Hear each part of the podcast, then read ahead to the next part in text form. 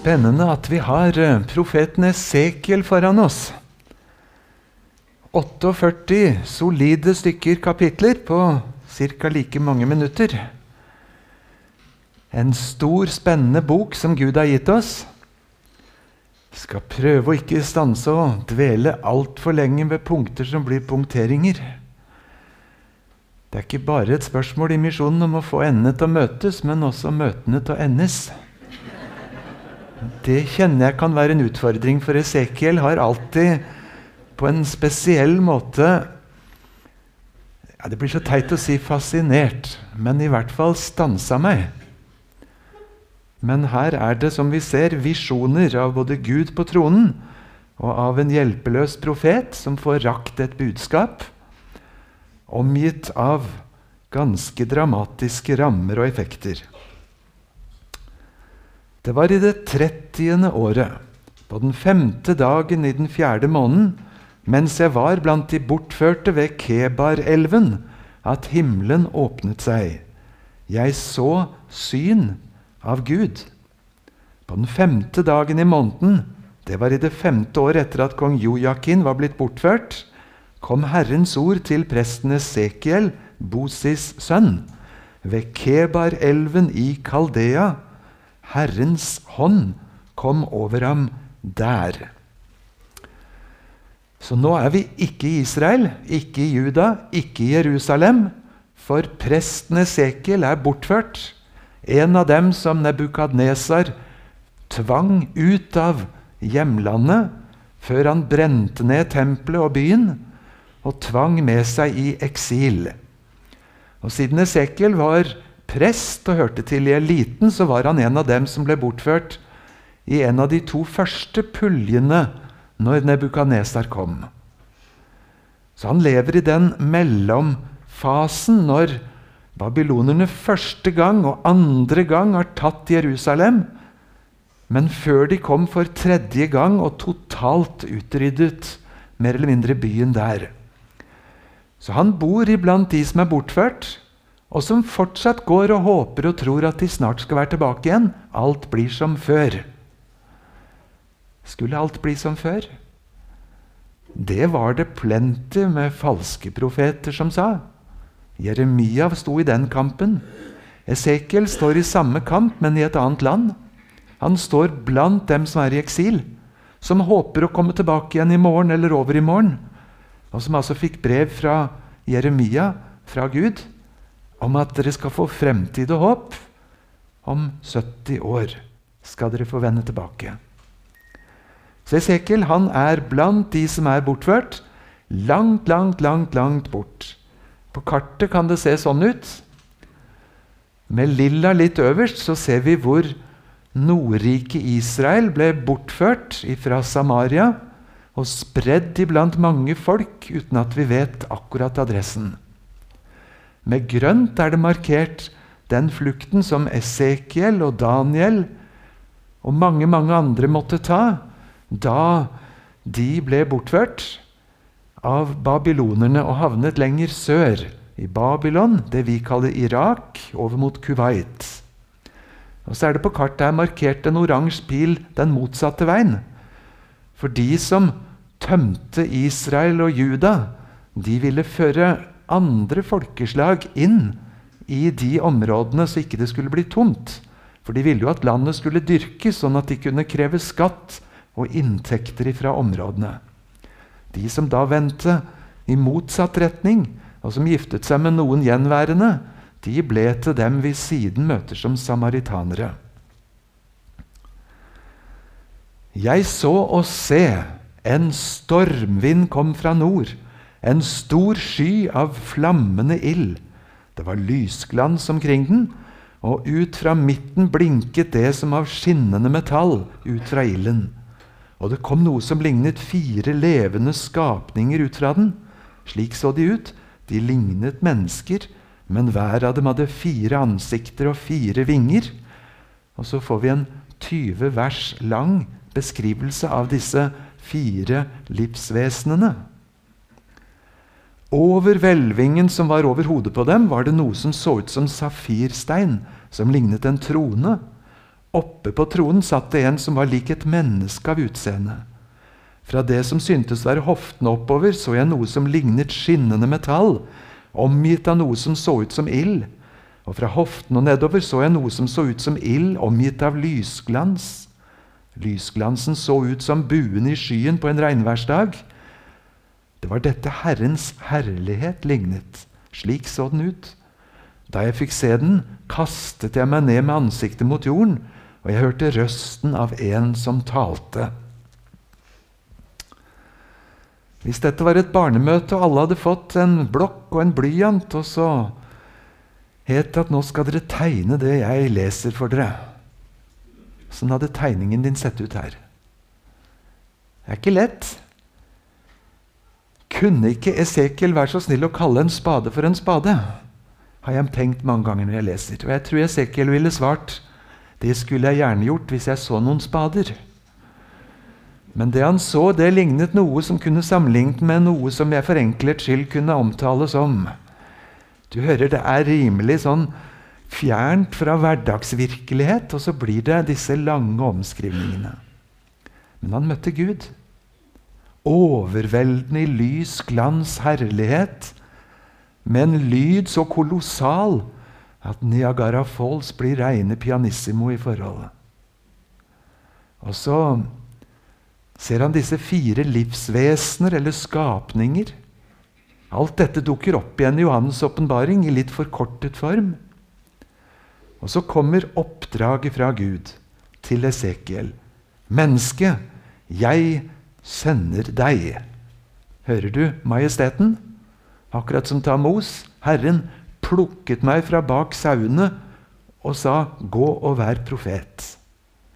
Hos Esekiel, menneske, jeg sender deg til israelittene. Til opprørske folkeslag som har satt seg opp mot meg. De og fedrene deres har syndet mot meg til denne dag. Til disse barna med steinansikt og harde hjerter sender jeg deg. Og du skal si til dem, så sier Herren Gud. Høres det hyggelig ut? Du skal gå til dine landsmenn på vine vegne. Jeg definerer dem som frekke opprørere med harde hjerter og steinansikt. Og så rekker Gud en bokrull til Esekiel som han vær så god skal spise. Og Bokrullen var fulltegnet på forside og bakside med likklage, sukk og vedrop. Og dette spiser han. Og når han spiser denne bokrullen, så smaker det i første omgang søtt som honning. Men du, Esekiel, skal du overleve alle disse konfrontasjonene, så gjør jeg ditt ansikt like hardt som deres ansikt, din panne like hard som deres panne, som diamant, hardere enn flint, gjør jeg panna di. Så sa han til meg, menneske, alle disse ordene jeg taler til deg, skal du gripe med hjertet og lytte til med ørene. Og så skulle han forkynne dem. Domsbudskapet fra Gud, dødsbudskapet, det skal du si til dem som ikke vil høre. For de vil ikke høre på meg, sier Gud, og snakker du mine ord, så kommer de ikke til å ville høre på deg. Vær bare forberedt på det. Men jeg utstyrer deg med den røffhet som trengs for å stå i denne tjenesten. Og likevel Alle disse domsordene de skal du ikke bare snakke videre som en høyttaler eller trykke ut som en printer. Du skal gripe dem selv med hjertet. Domsbudskapet skulle ikke gå direkte fra Gud til mottakerne. Det skulle inn i profetens hjerte. Og så må smerten ta bolig hos han. Og så er det noe som heter kallets smerte. Og domsbudskapets smerte. Det gjør noe med tonefallet. I forhold til bare å repetere og sende budskapet videre. Det trenger han, det trenger hun, det trenger de. Der fikk du den. Nei, ta det inn. Grip det med ditt hjerte. Lytt med dine ører, og så skal du tale. Å forkynne Herrens dom har aldri vært noen enkel greie. For vi er i samme båt som tilhørerne. Ser dere de to fine herremennene fremst i båten som syns de har en utmerket reise? Riktignok lekker båten som en sil og på vei ned, men lekkasjen er jo ikke i vår ende av båten. Og lenge smiler de to herrene. Vi er i samme båt. Vi er under samme dom ifra Gud. Vi er under samme evangelium. Vi hører til i det samme virkeligheten, vi som skal si det, som de som skal motta det. Jeg vet ikke om det er en god sammenligning, men jeg hørte om en bussjåfør som ble kjempepopulær. Og Bussruten han kjørte, den ble overfylt. Men det var liksom ikke samsvar med inntektene, så busselskapet ble rimelig bekymret og begynte å undersøke litt. Og så fikk jo faktisk bussjåføren sparken. Alle var fornøyd med han. Bussen var full, og folk trivdes. Busselskapet avdekket at hans måte å være vennlig på, som kom fra hjertet, det var at hver gang noen kom på bussen som ikke hadde helt greit med kort eller penger, så sa bussjåføren så raust og vennlig bare 'hopp inn', sa han. 'Jeg skal samme veien'. Og så hoppa de inn, og etter hvert var det jo nesten ingen som hadde riktige penger og riktig kort som virka akkurat da. Og bussen ble mer og mer populær. Det er en teit sammenligning, men den som forkynner lovens ord, evangeliets ord, står under den samme dom fra Herren og lever av det samme evangeliet og er sånn sett bussjåfør med andre tiggere som skal samme vei. For Esekiel sin del så blir han også kalt til å være en vekter, en vaktmann. Og Ordlyden er så spesiell at vi må nesten lese det ordentlig.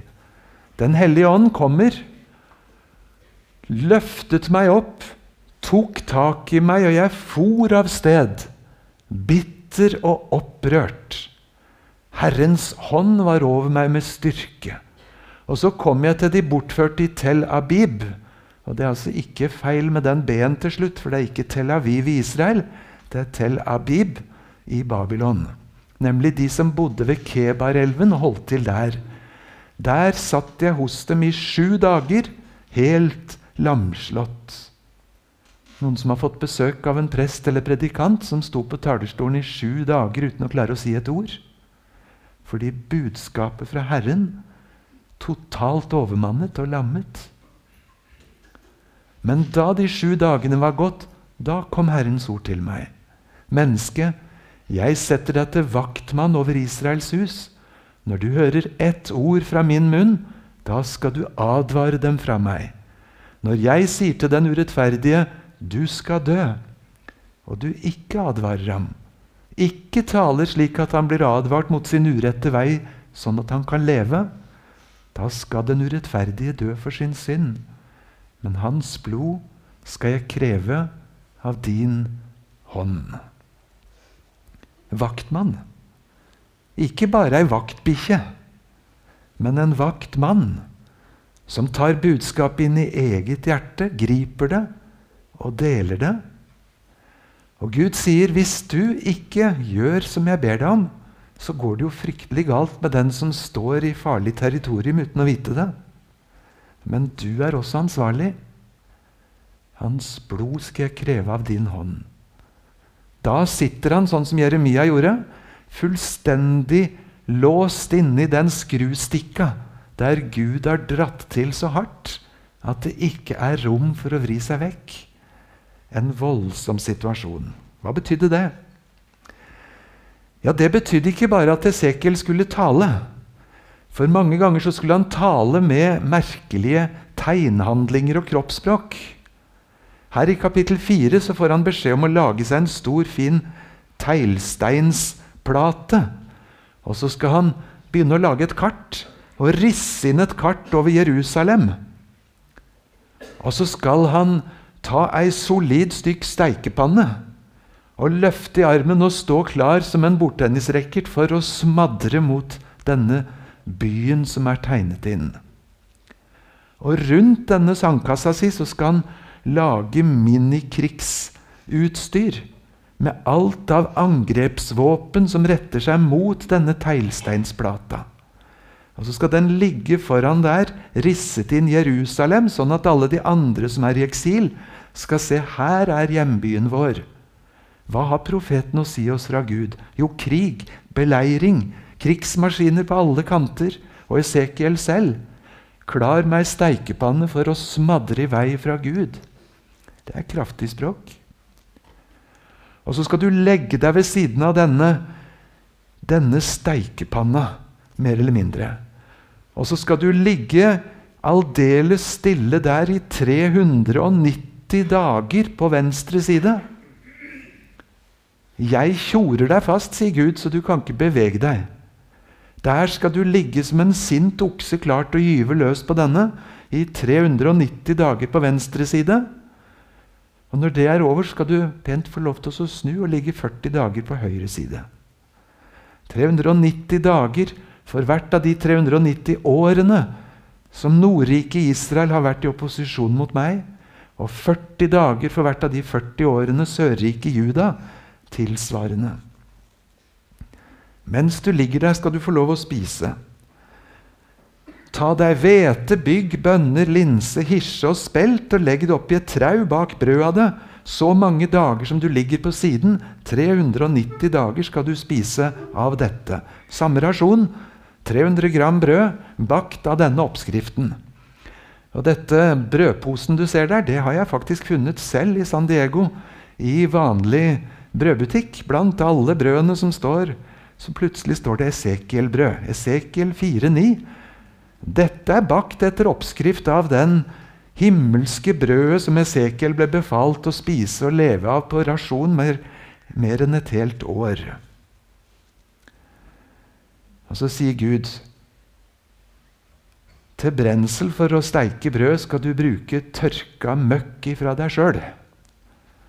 Og Først da protesterer Esekiel og sier som prest har jeg lært rent og urent, og dette blir urent. Ok, sier Gud så skal du få lov å bruke kumøkk isteden. Kumøkk, Esekiel-brød, 390 pluss 40 dager, rundt en sandkasse klar med steikepanne, mot figuren av Jerusalem. Aner vi budskapet? Men det er ikke det hele. Siden en gang så sier Gud nå skal du ta en skarp rakekniv så skal du barbere deg fullstendig snau. Og så skal du ta alt det håret du da får, og så skal du dele det opp i tre deler. En tredjedel av det skal du hogge i, ikke bare med en brødkniv, men som med et sverd. En tredjedel av håret ditt skal du ta med deg ut på en treskeplass der det blåser godt, og kaste opp i vinden så håret flyr til alle kanter. Og en tredjedel skal du brenne opp inne i byen. Og så er det symbolikk i det. En tredjedel av Jerusalem skal brenne opp. Folk, altså. En tredjedel skal spres for alle vinder, og en tredjedel skal hogges til småbiter.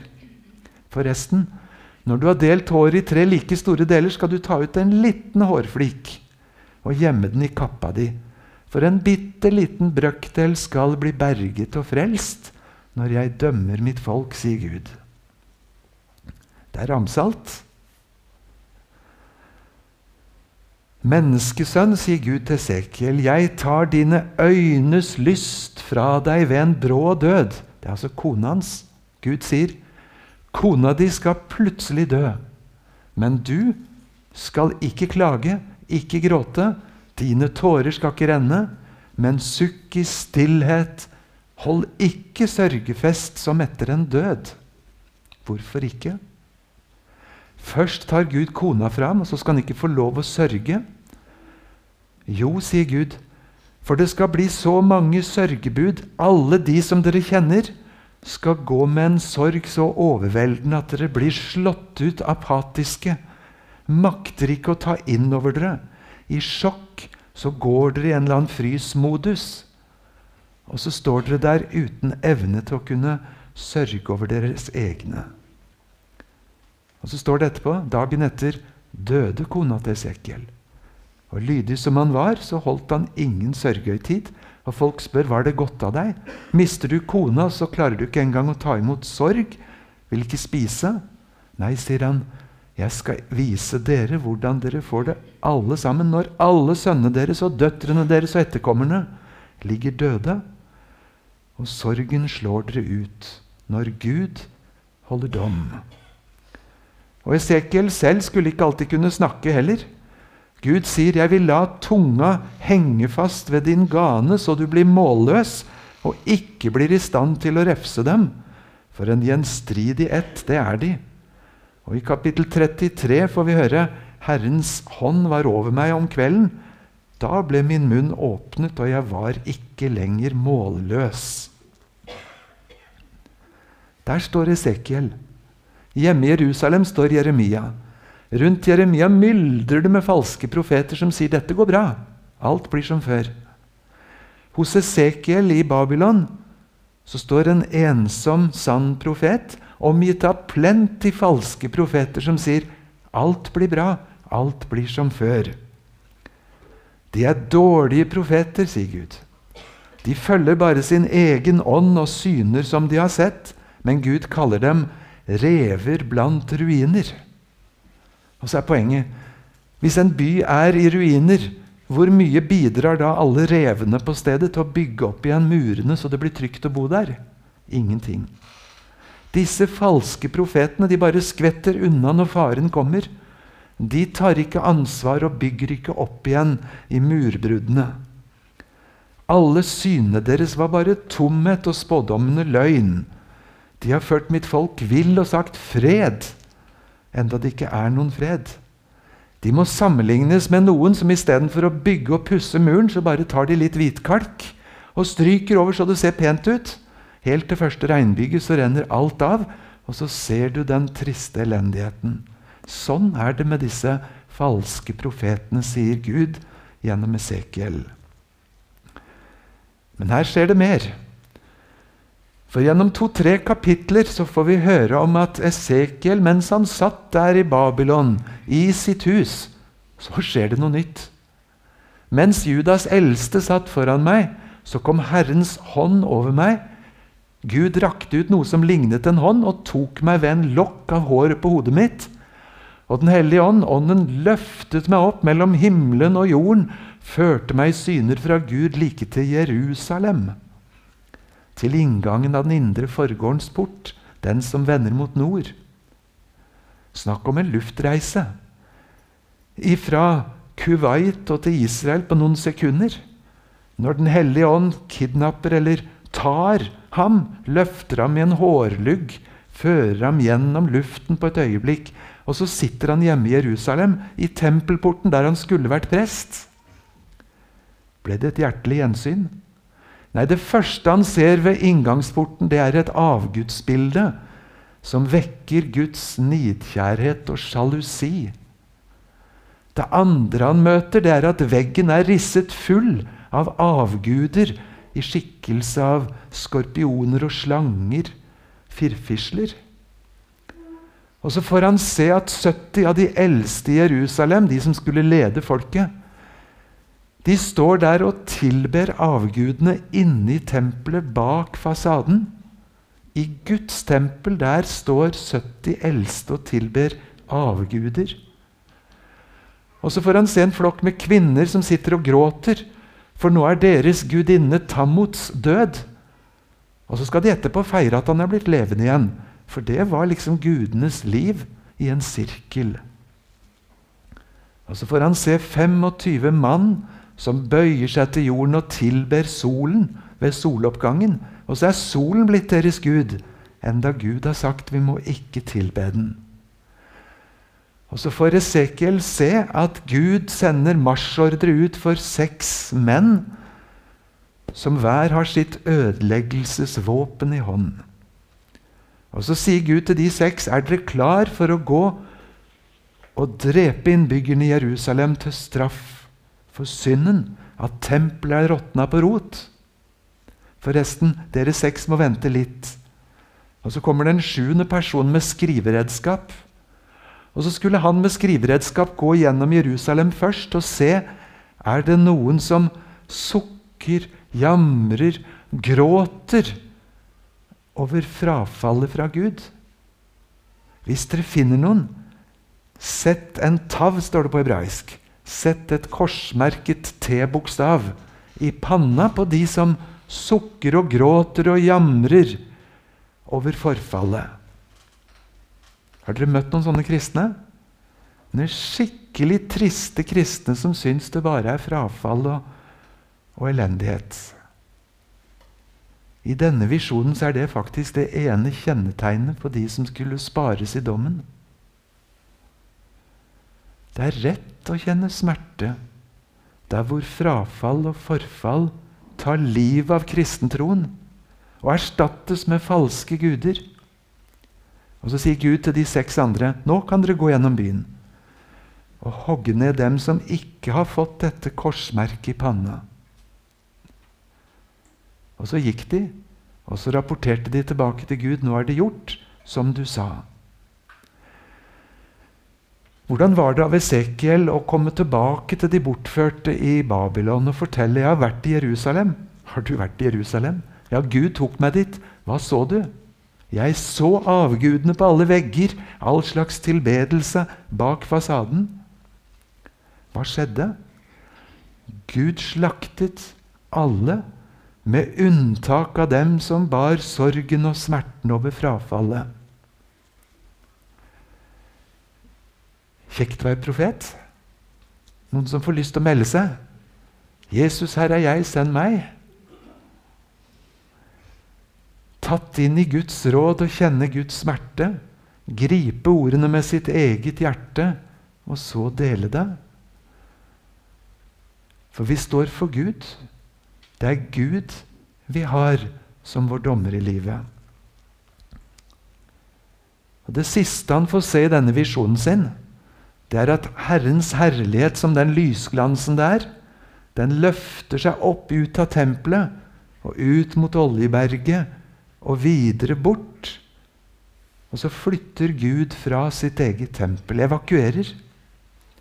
Bokstavelig talt revers i forhold til Salomo som innviet tempelet, og som fikk se Herrens herlighet komme og flytte inn i sin herlighet inn i tempelet han hadde bygd, og så var det på plass.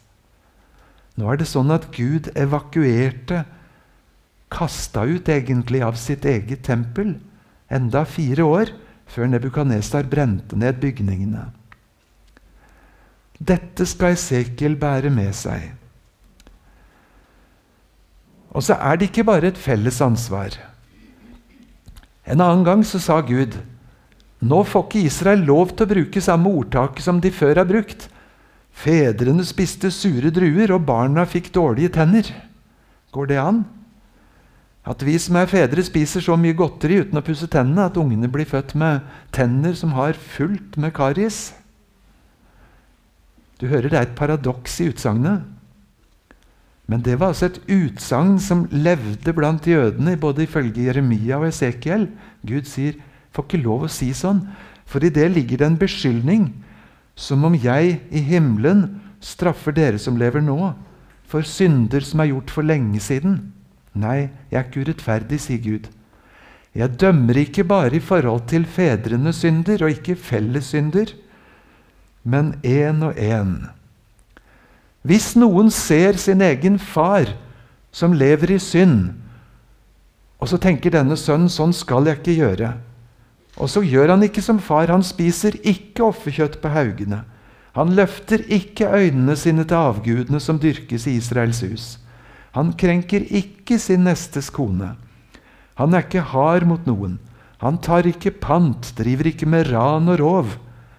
Han gir brød til den sultne og klær til den nakne, legger ikke hånd på en hjelpeløs, krever ikke rente og avgift for å utnytte andres nød.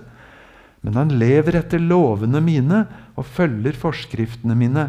Da skal den sønnen ikke dø fordi hans far har syndet. Nei, han skal leve. Gud er rettferdig. Han handler med oss primært individuelt. Ikke som slekt, ikke som familie. Jeg kan ikke leve på fars tro. Jeg skal ikke dø for fars synd. Gud er en rettferdig Gud som sikter inn imot én og én. Nei, sier Gud, kast fra dere alle syndene dere gjør. Skaff dere et nytt hjerte og en ny ånd. Hvorfor vil dere dø, israelitter? Jeg har ikke behag i at noen skal dø. Vend om, så skal dere leve. Det er Guds hensikt. Og så kommer profetene for å advare. En vaktmann som skal advare så de vender om. Og Så ser vi i lista til høyre her hva Gud spør etter. Ikke bare et fromt hjerte, men en livsførsel som matcher det som Gud har villet. Jeg fant for noen få år siden, da krigen i Aleppo var på sitt verste, den der tegningen Ser dere nøye på den, så er det en lastebil som er full av likes fra Facebook. Hva var ditt og mitt bidrag da krigen raste i Aleppo? Var det å trykke 'like'? Eller kanskje trykke et gråtende ansikt? Hvor langt rekker det med et like i forhold til med en virkelig hjelp? Leser du profetene, så får du se at Gud spør ikke bare etter fine ord og fromme fraser, men etter hva hjelper. Gud leter etter en mellommann. Her kommer et av mine kjæreste ti på topp bibelvers. Der står det fra Esekel 22, 30. Gud sier, 'Jeg lette blant dem etter en mann som ville bygge opp igjen muren', stille seg selv i murrevnene, for landet så det ikke blir ødelagt. Men jeg fant ingen. Moses var en sånn en, står det i Salme 106. Da Gud etter gullkalvepisoden sa at han ville utrydde Israel, da kom Moses, hans utvalgte, og la seg imellom, mellom Gud og folket, mellom Gud og synderen. Og Moses stagget Guds ødeleggende harme. Gud leter etter en som kan stille seg imellom Gud og menneskene. Han leter etter en som er villig til å stå der på det mest sårbare sted i revnene selv. Men jeg fant ingen, står det hos Esekiel. Fant ikke en Moses. Situasjonen er så ille, sier Gud, at hvis disse tre mennene, Noah, Daniel og Jobb, var der, så kunne de ved sin rettferdighet ikke Jo, de kunne bare berge sitt eget liv. Esekiel minnes Gud peker på disse kjempene, men ingen av dem kunne frelse noen andre ved sin rettferdighet. Jeg fant ingen. Hos Jeremia står det om så Samuel og Moses sto foran meg, ville jeg ikke ha medfølelse med dette folket. Send dem fra meg, de skal gå bort. For Samuel han var en trofast forbeder for folket.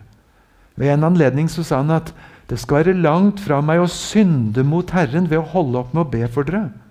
Jeg skal også lære dere den gode og den rette veien. For disse mennene de var sånne som levde innenfor Guds ansikt og bar med seg syndens smerte inn for Gud og tryglet om nåde. Hadde de droppa ut, så hadde de syndet mot Herren. Men nå var de kalt til det i trofast tjeneste. Og så heter det hos Esekiel nå er det ingen sånn en. Jeg fant ingen. Deprimerende. Evangeliet er at Gud lette videre. Han fant ingen på jord. Han fant en i himmelen som heter Jesus. Jesus kom til jord, la seg mellom Gud og synder. Sto der i murevnene og var den første som falt og den eneste som falt som en stedfortreder. Tenk dere at dere bodde i Babylon og hørte denne Esekiel forkynne. Hvordan ville dere opplevd det? Jo, her får vi høre hvordan faktisk responsen er. Esekiel 33. Du menneske, Esekiel, de av folket ditt som snakker om deg langs husveggene og i døråpningene, de sier seg imellom, den ene til den andre, Kom, Hør hva det er for et ord som går ut fra Herren. Og så kommer folket mitt til deg i flokk og følge, setter seg foran deg. De hører ordene dine, men de lever ikke etter dem. De lever etter løgnen i sin egen munn, og hjertet deres går etter urett vinning. Se, du, Esekiel, med alle disse domsordene. Du er for dem lik en som synger kjærlighetsviser med vakker stemme til fin musikk. De hører ordene dine, men lever ikke etter dem. Men når det kommer, se, det kommer, da skal de kjenne at en profet var midt iblant dem. Har du hørt noe så rart? I 33 kapitler har vi fulgt Esekiel med dom og blod og straff og ild ifra Herren. Hvordan syns folk om Esekiel? Jo, de hvisker seg imellom. 'Kom, skal vi gå og høre hva Gud har sagt nå?' Og så kommer de i flokk og følger og setter seg. 'Nå skal vi høre hva som kommer.' Og Esekiel taler dommens ord. 'Å, så vakkert har du en til.' Du synger for oss som vakre kjærlighetssanger med fin musikk. Så blir han tatt som en god vits. Dommens ord biter ikke. Men det var spennende å høre. En til. Flott. Har du et eventyr til? Omtrent sånn Jesus sammenligner seg selv og døperen Johannes. Jesus kom med evangeliets fløyte og skulle spille opp til dans og sier, 'Jeg spilte for dere med fløyte, men dere gadd ikke å danse.' Og Johannes døperen han kom og sa, 'Nå skal vi leke begravelse, og så skal jeg synge sørgesanger sånn de gjør i begravelse.' Så sier de andre, 'Nei, vi gidder ikke.' Som trøtte unger like før leggetid. 'Skal vi finne på noe da, dere?' 'Ja, hva da?' 'Jo, vi leker bryllup. Spill fløyte.' 'Nei, vi gidder ikke.' 'Ja, men da leker vi begravelse, skal jeg synge sørgesanger.' 'Nei, det gidder vi ikke.' Johannes døperen kommer med dommens budskap, og de sier 'hjelpe seg for en lovisk dom'. Og så kommer Jesus med Guds rike og sier 'det er flytta inn, vær så god, kom'. Så sier folk 'det går jo ikke an'. Kan ikke bare flytte inn sånn rett uten videre. Og så blir ikke loven hørt, og så blir ikke evangeliet hørt. Og så blir budskapet en god vits. Derfor skal du slutte å være profet for dem, sier Gud. De har fått det servert, men de bryr seg ikke. De tar det for en god vits, en ny tid på topp. En kjærlighetssang med fin musikk. Har du en til? Sitter pent pyntet og hører på alle domsordene. I tillegg til domsordene over eget folk, så er det mange domsord over fremmede folkeslag. Håkon nevnte for oss noe av det som står til Tyros. Det fyller en åtte-ni ganske lange kapitler her. Og bare en bitte liten smakebit. Domsordene over Tyrus, som hadde et så oppblåst ego som statsleder at de trodde de kunne gjøre hva de ville, og være ustoppelige. Ja, sier Gud, det begynte bra. I Edens Guds hage holdt du til, og du var dekket av alle slags dyre steiner, rubin, topas, diamant, krysolitt, onyx, jade, safir, turkis, smaragd. Du var som en salvet kjerub Vet dere hva salvet heter på hebraisk? Messias. Du var som en Messias-kjeruv. Jeg innsatte deg, og du holdt til på Guds hellige fjell. Blant glødende steiner vandret du. Du var hel i din ferd fra den dagen du ble skapt, til det ble funnet urett hos deg. Ditt hjerte ble hovmodig fordi du var vakker. Du ødela din visdom og din prakt. Da kastet jeg deg til jorden. Jeg stilte deg fram for konger, så de bare kunne se på deg. Kanskje noen kjenner igjen denne teksten som en tekst noen bruker om å forstå Satans fall. Fra å være en engel hos Gud til å bli en fallen engel i opprør. Sånn har enkelte, og ikke så få, lest denne teksten og Det samme med en annen tekst fra Jesaja, hvor denne lysende stjernen i den latinske bibelen blir kalt Lucifer. Og så ble det et navn på djevelen. Og så vet vi vel sant å si ikke om dette er først og fremst en konkret anklage mot Tyrus, eller om det har en dobbel bunn av å være også en tilbakeskuende profeti om hvordan Satan ble den han ble. Den onde i opprør mot Gud. Det er mange tekster vi ikke skal være for skråsikre med. Kloke bibellesere har forstått det slik eller sånn. Ikke minst mot slutten av Esekiels bok. For mot slutten så kommer det noen veldig spesielle kapitler. Ganske mange. Om at Gud en gang skal erstatte de dårlige lederne og hyrdene med de gode hyrden, David, Messias-tiden. Og istedenfor splittelse så skal Gud samle folket. De tapte stammene skal komme tilbake igjen. Det skal gjenreises. Og så skal det komme liv i katastrofen i Israel. Og når de har hatt fred en lang tid, så skal det komme en fryktelig fiende som kalles Gog fra Magog. Men Gud skal stanse han.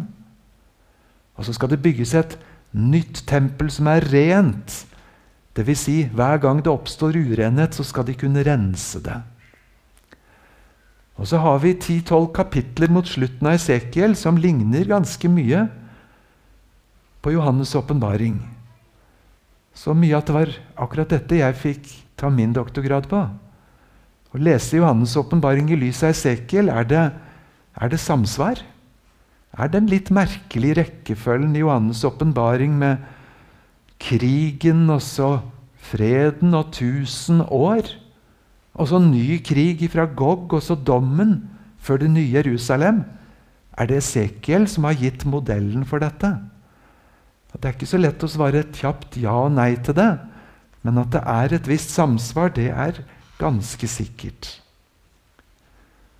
Et av synene det er at Esekiel får se hele Israel som en tragisk død flokk av mennesker som ikke bare er døde, men de er drept i krigen, og de ligger der og fyller inn et helt dalføre. Og Nå er ikke engang knoklene på plass, for åtseldyr har spist og revet det fra hverandre. Så alt Esekiel får se, det er rester av knokler i vill uorden. Og så spør Gud Esekiel kan disse knoklene bli levende igjen.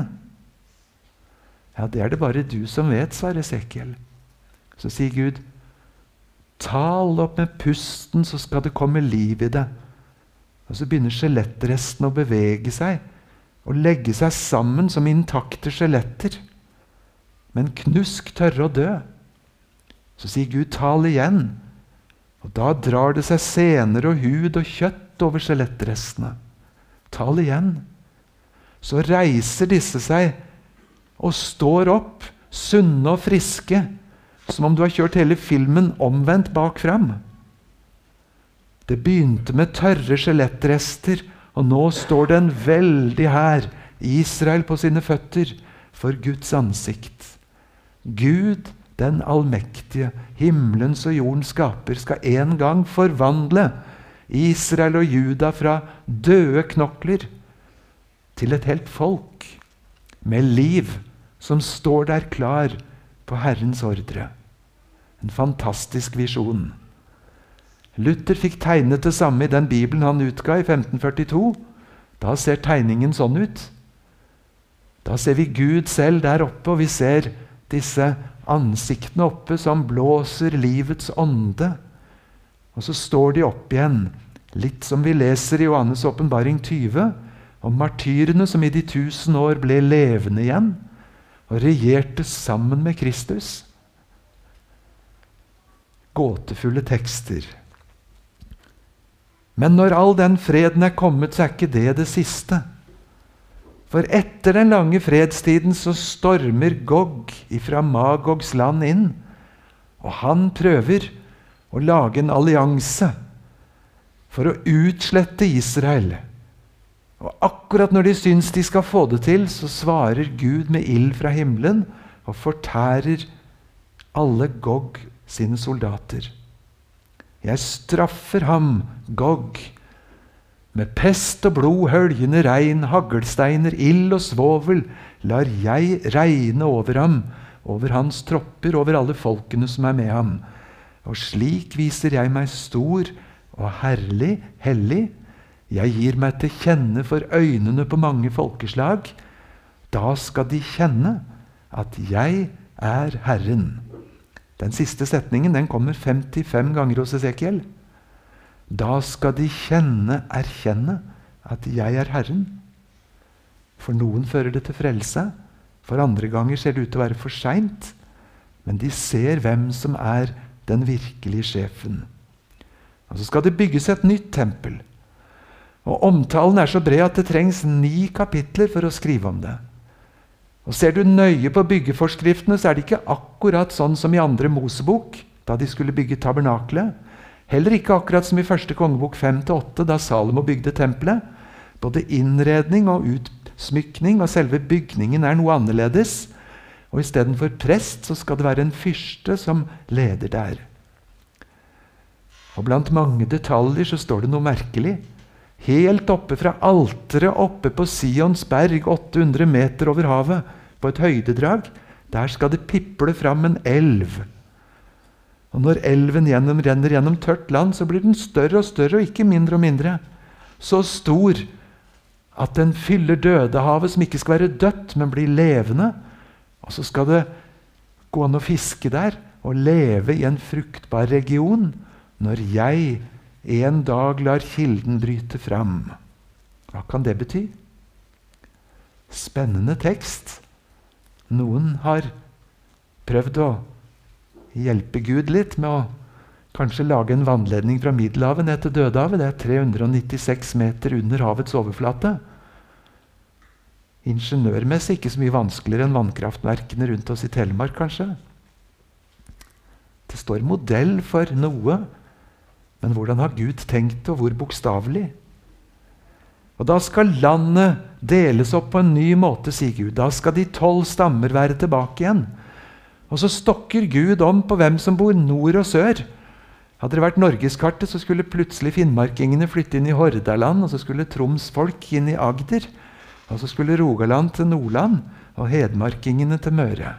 En sånn helt pussig greie. Og i midten, der hvor tempelet er, som Juda hører til, der skal levittene, prestene, ha et stort område der de for første gang får sitt land. En merkelig fremtidsprofeti. Hvordan kan Gud ha ment det? Men hovedsaken ved tempelet er verken geografi eller utsmykning. Men hovedsaken er at der skal de ha en kontinuerlig ofring. Der skal det ofres både syndoffer, brennoffer, grødoffer, drikkoffer og så skal fredsoffer være til soning, sånn at når Israel da stadig vekk dessverre synder, både av vannværet og på annen måte, så skal de kunne få renselse. For det er vitsen med tempelet, både i den gamle pakt og her i det som visjoneres. Der skal det kontinuerlig, kontinuerlig ofres dyr, så blodet av offerdyrene kan sone synd.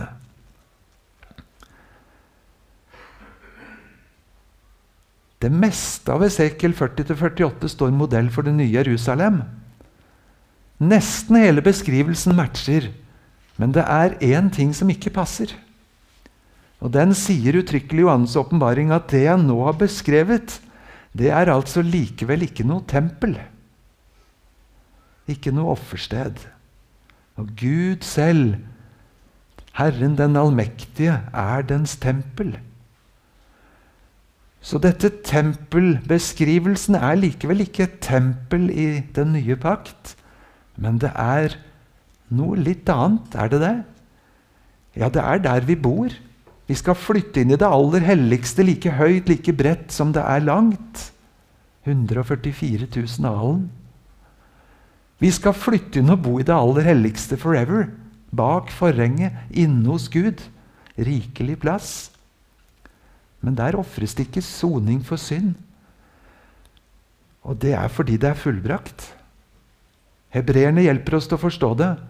Der det er tilgivelse for synd, så trengs det ikke lenger noe offer. Med én en eneste offergave har Jesus for alltid gjort dem som helliges Hva står det? Fullkomne. Se noen fullkomne i Guds regnestykke her. Så mange som er tilgitt hos Gud. Så mange som Jesus døde for. Jesus har for alltid båret fram ett eneste offer for synder, og så har han satt seg ved Guds høyre hånd. Og så er det i den nye pakt ikke sånn at det skal bygges opp et tempel for å få i gang det Esekiel sa, med sånn soning for synd, for det er fullbrakt. Det ble oppfylt en gang for alle av Jesus. Jeg snakka med en pinsevenn-venn som syntes det var viktig å få bygd dette Sekels tempel likevel. Og Så leste jeg disse versene for Han var jo helt enig med meg at vi skal ikke klusse med det Jesus har gjort. Jeg skal ikke komme til Paris og finne Mona Lisa og så komme med malerullen min fra kjøkkenet hjemme og så rulle over for å fikse litt på Mona Lisa så det blir litt finere. Det Jesus har gjort, det skal ikke vi klusse noe med. Nei, det var han enig i. Men, men, men, men, men, men, men han, det står vel noe om at Antikrist skal regjere derifra. Så skal vi få noe fart i sakene, så må vi jo få bygd huset, sa han. Oi, sa jeg. Skal vi bygge en scene der Antikrist skal få herje med oss for å få litt action? Var det oppfyllelsen av Guds ord? Skal vi ikke gå ut og forkynne for menneskene at Jesus er død for våre synder? Soningen er fullbrakt. Han har gjort det en gang for alle. Skal vi ikke få lov å si han er og blir en soning for våre synder? Ikke bare for våre, men for hele verdens. Lammets blod, Jesus, som en gang for alle er ofret for våre synder. Og så er det brakt til ende, og det er ferdig. Hva venter vi på? Det vi venter på, det er å få sagt det til dem som ikke vet det. Men saken er på plass. Mission completed ifra soningens side. Mission not yet completed med å få sagt det til enda flere.